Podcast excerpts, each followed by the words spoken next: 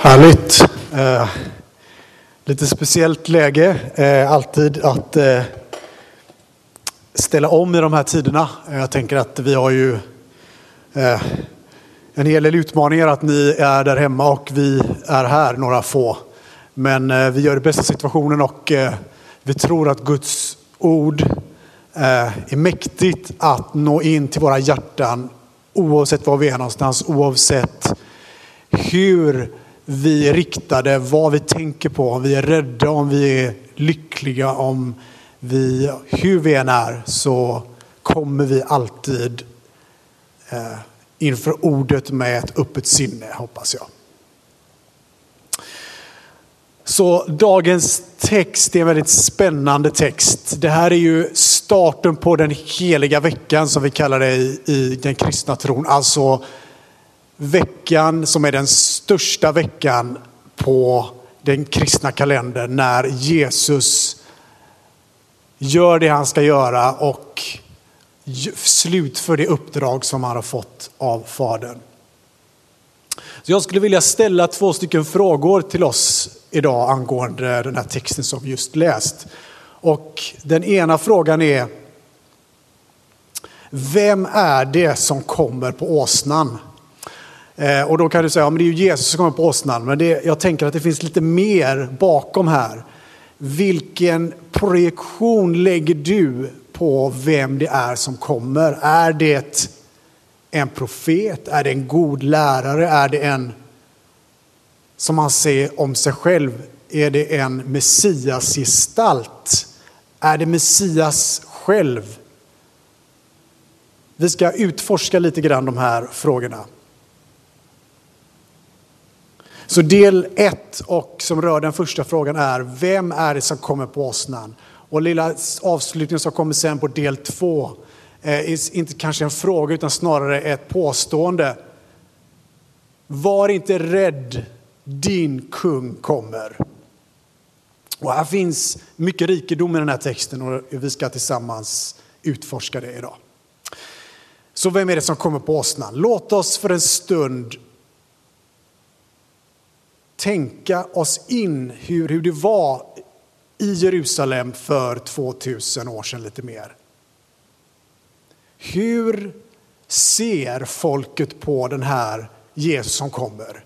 Ser man honom som en profet, en mirakelgörare? Många såg det, såg honom så. Ryktet om Jesus hade gått ut bland folk. Han drev ut demoner, han botade sjuka. Och framförallt så har de hört att han väckte upp Lazarus. Han, alltså, han är alltså en väldigt speciell person, kanske en rabbi med lite extra allt. Vad är det här för någon? Är han någonting, det är i alla fall värt att gå ut, man ur huset och se vem det är. Kanske såg man honom som att han är Israels befriare. Judarna väntade ivrigt på en messiasgestalt, en politisk messias, en som skulle befria dem från romarnas förtryck. Och kanske fanns det en del som gick ut för att de bara var nyfikna och ville kolla in vad, vad det var som hände. Det var väldigt mycket folk. Någon beräkning eh, pratar om flera miljoner människor i Jerusalem, men även om det inte är så många så är det i alla fall flera hundratusen personer som som, eh, som möter Jesus när han kommer till Jerusalem. Och han kommer in till Jerusalem under påsken, judarnas största högtid då man firade befrielse från Egypten, uttåget ur Egypten. Man hade redan en förväntan på att Gud gör någonting i den här tiden.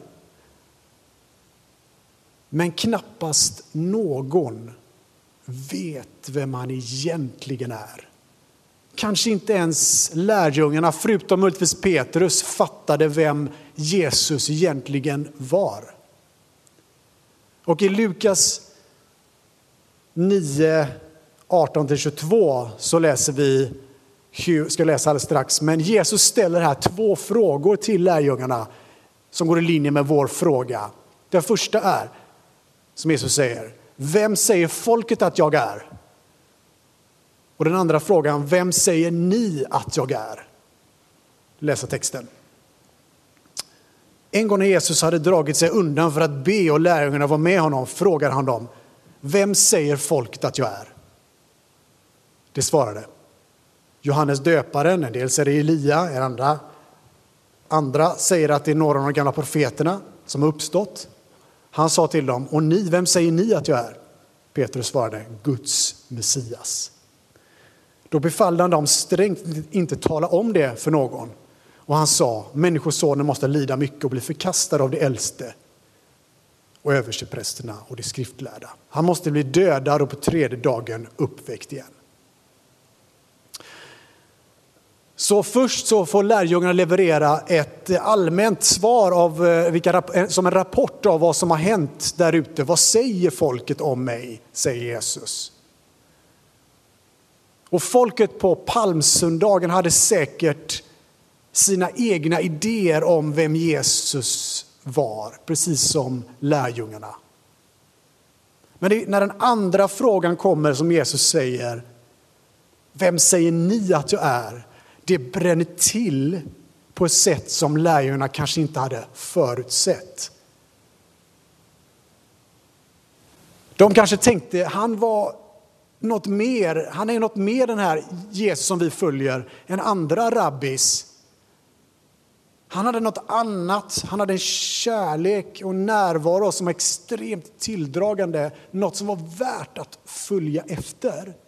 Men jag tror inte att de hade tänkt att han var Jave själv, den oskapade, ormkrossaren, den fjärde mannen i ugnen jag tror att ingen av lärjungarna hade tänkt sig att Jesus var allt det. Det var liksom för svår att svälja kunskapen om att det är Gud själv.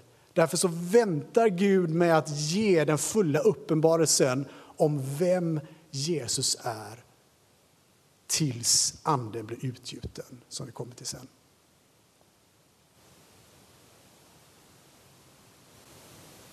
När den andra frågan kom så tänker jag mig att det var tyst ett tag. Vem säger ni att jag är? Den mest centrala frågan. Hela universum står still när Jesus frågar en människa Vem säger du att jag är? Vem säger du, Pierre, att jag är? Så i berättelsen så tar Petrus till orda han är den första som får säga orden du är Guds Messias. Och även om det är en fantastisk bekännelse som det står ett annat evangelium att han har fått från ovan så betyder inte det, tror jag, att han visste i sin fullhet vem Jesus var. Han hade en förförståelse för vem Guds Messias var. Han kanske tänkte, och flera med lärjungarna, att han var en modern David en modern David Messias gestalt, en som ska med militär och politisk makt befria Israel från romarnas ockupation. Det hade en förförståelse vem han skulle vara. Och så tror jag också att vi gör idag. Vi har en förförståelse för vem Jesus är, men han vill dra in oss till sig själv och visa på vem man är i sin fullhet. Vi ser ett sånt exempel hur det fanns en förvirring om vem Jesus var även efter uppståndelsen.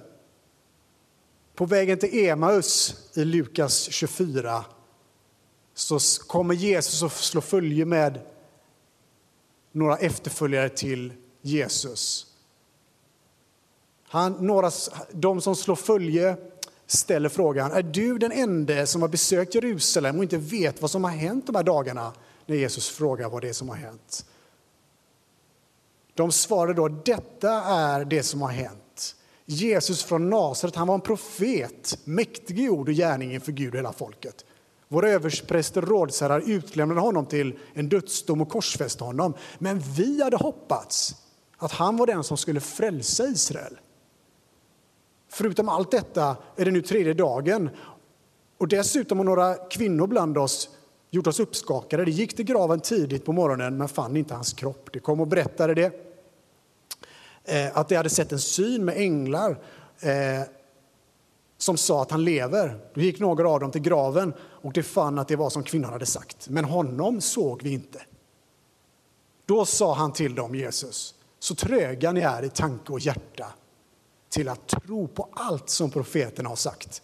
Måste inte Messias lida det här för att sedan gå in i sin härlighet? Och han började med Mose och alla profeterna och förklarade för dem vad som stod om honom i alla skrifterna.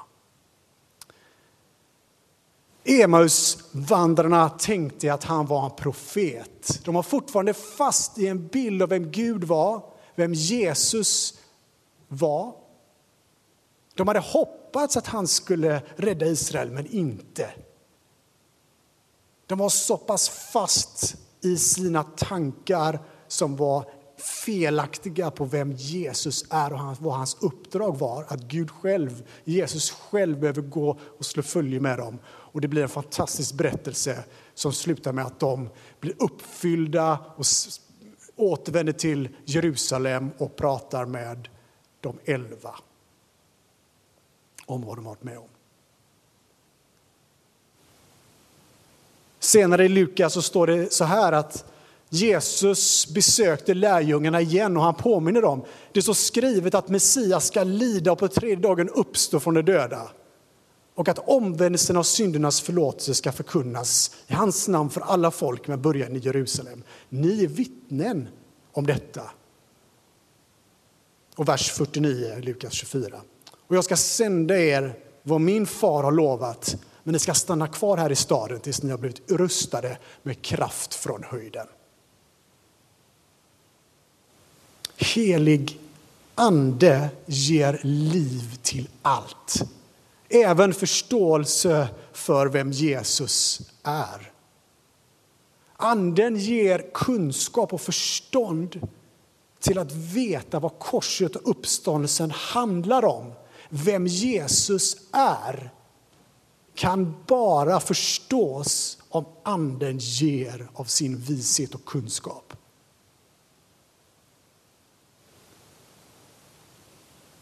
Anden ger insikt om att Jesus är Messias, Guds lamm, den oskapade alfa och omega, den klara morgonstjärnan. Och jag tror att när vi läser den här texten så ställer vi, ställs frågan till oss på samma sätt idag. Vem säger du att jag är? Det är som att Gud fortfarande, Jesus fortfarande ställer frågan, vem är jag för dig? För allt handlar om vem Jesus är. Han är inte bara ett föredöme, en som lever för att visa hur en idealmänniska skulle se ut. Och när Jesus rider in i Jerusalem är det inte som en världslig kung på en vit häst med vackra konungsliga kläder eller en krona på huvudet. Nej, han kommer på en åsna. Ödmjukt. Och hans krona kommer snart att bli en törnekrona när han gör det han ska göra, att dö för att sona ditt och mitt uppror. Han drar alla till sig, alla som vill genom att frivilligt ta på sig korset som är verktyget för symbolen för död och straff. Och när folket på palmsöndagen ropar Hosianna så förstår de inte, menar jag, vilken sorts kung de hyllar. För ingen ropar Hosianna när korset reses på Golgata. Snarare ropar en del av det här folket korsfäst honom några dagar senare.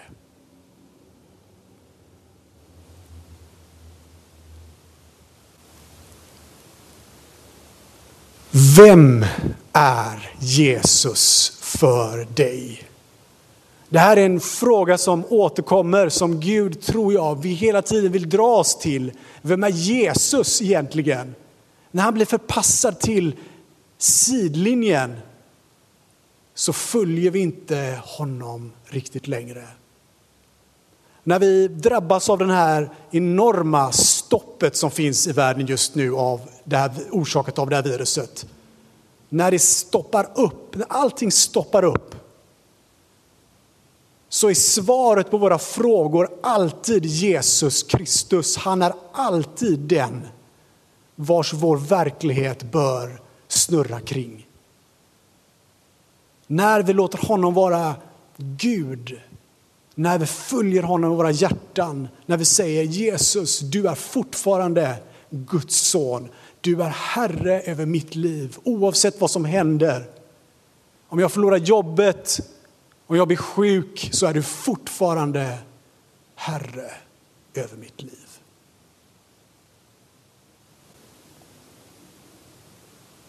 Det var första delen. Andra delen som jag bara vill komma in på lite kortare än den första är en del av den här texten som jag vill stanna till för. Och det är i vers 15.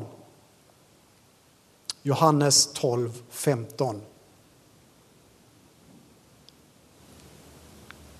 Var inte rädd, dotter Sion. Se, din kung kommer ridande på ett åsneföl. När det stormar omkring oss, när världen stannar upp så kan vi vila i att Gud säger till oss, var inte rädd. Du dotter, du son. Frukta inte. Varför då? För att din kung kommer till din räddning. Han som är under rådgivare, mäktig Gud, evig far, far fridsförste. Han kommer för att rädda dig. Hur då? Genom att han ger dig fri rakt in i en situation som inte det finns frid i. Han ger dig ett lugn där det inte finns lugn. Han stillar stormen i ditt inre genom sin närvaro, genom sin ande som är utgjuten för din skull. Han kommer ödmjuk, han kommer på en åsna, han kommer underifrån, men med makt och härlighet. Ingen annan än Gud själv i Jesus Kristus kan ge dig den friden och kan rädda dig. Han kanske inte är den som du tänkte dig.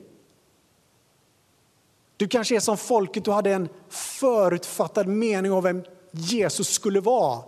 Du tänkte att han skulle fixa ordning ditt liv när du började följa honom. Ingen skit skulle hända mer.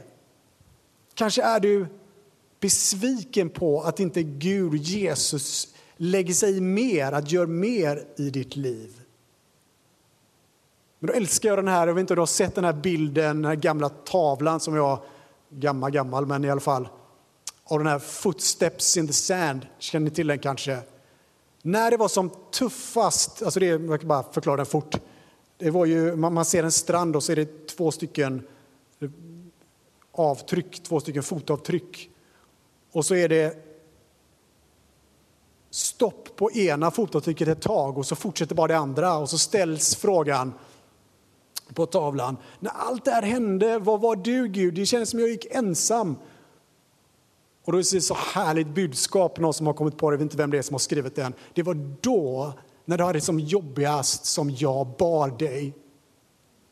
Och här finns det tröst för oss, att när vi inte fattar det, så är Kristus så nära till att lära oss och att utbilda oss i att följa honom.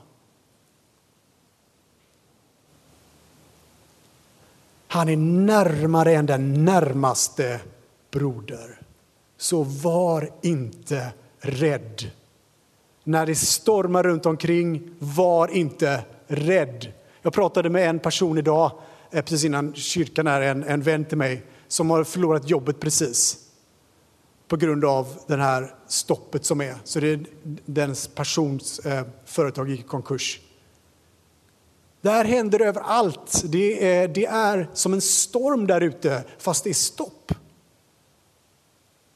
Här i säger Guds ord till oss, var inte rädd, för din kung kommer till dig. Den här påsken, lyft din blick. Se vem Jesus är, den uppståndne. Antingen för första gången eller igen och igen. Låt honom återigen bli din kung som du ser till. Låt honom återigen få lugna stormen. Han som läker det trasiga, som säger till sjukdom och virus att lägga sig och försvinna. Han är densamme igår, idag och för evigt. Var inte rädd, din kung kommer. Amen.